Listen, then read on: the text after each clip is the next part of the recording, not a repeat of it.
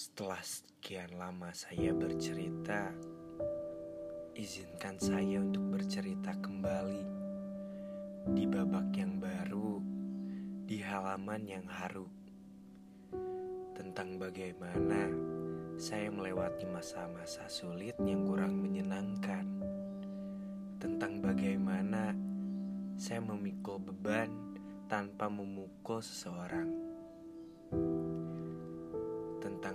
mengapa semesta kadang tidak adil dengan kita, dengan keluarga yang terkadang membuat kita lebih asing dari seperti biasanya.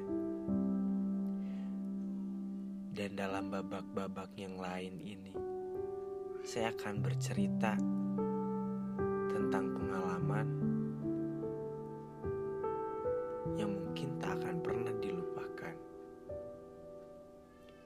Tentang bagaimana melewati fase-fase sedih yang tak perlu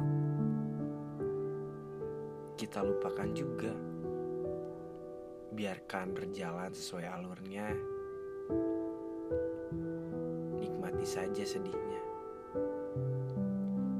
Karena setiap orang berbeda juga cara menyikapinya. Berbiasalah agar terbiasa, berbahagialah, karena sedihmu nanti akan kau jumpai juga.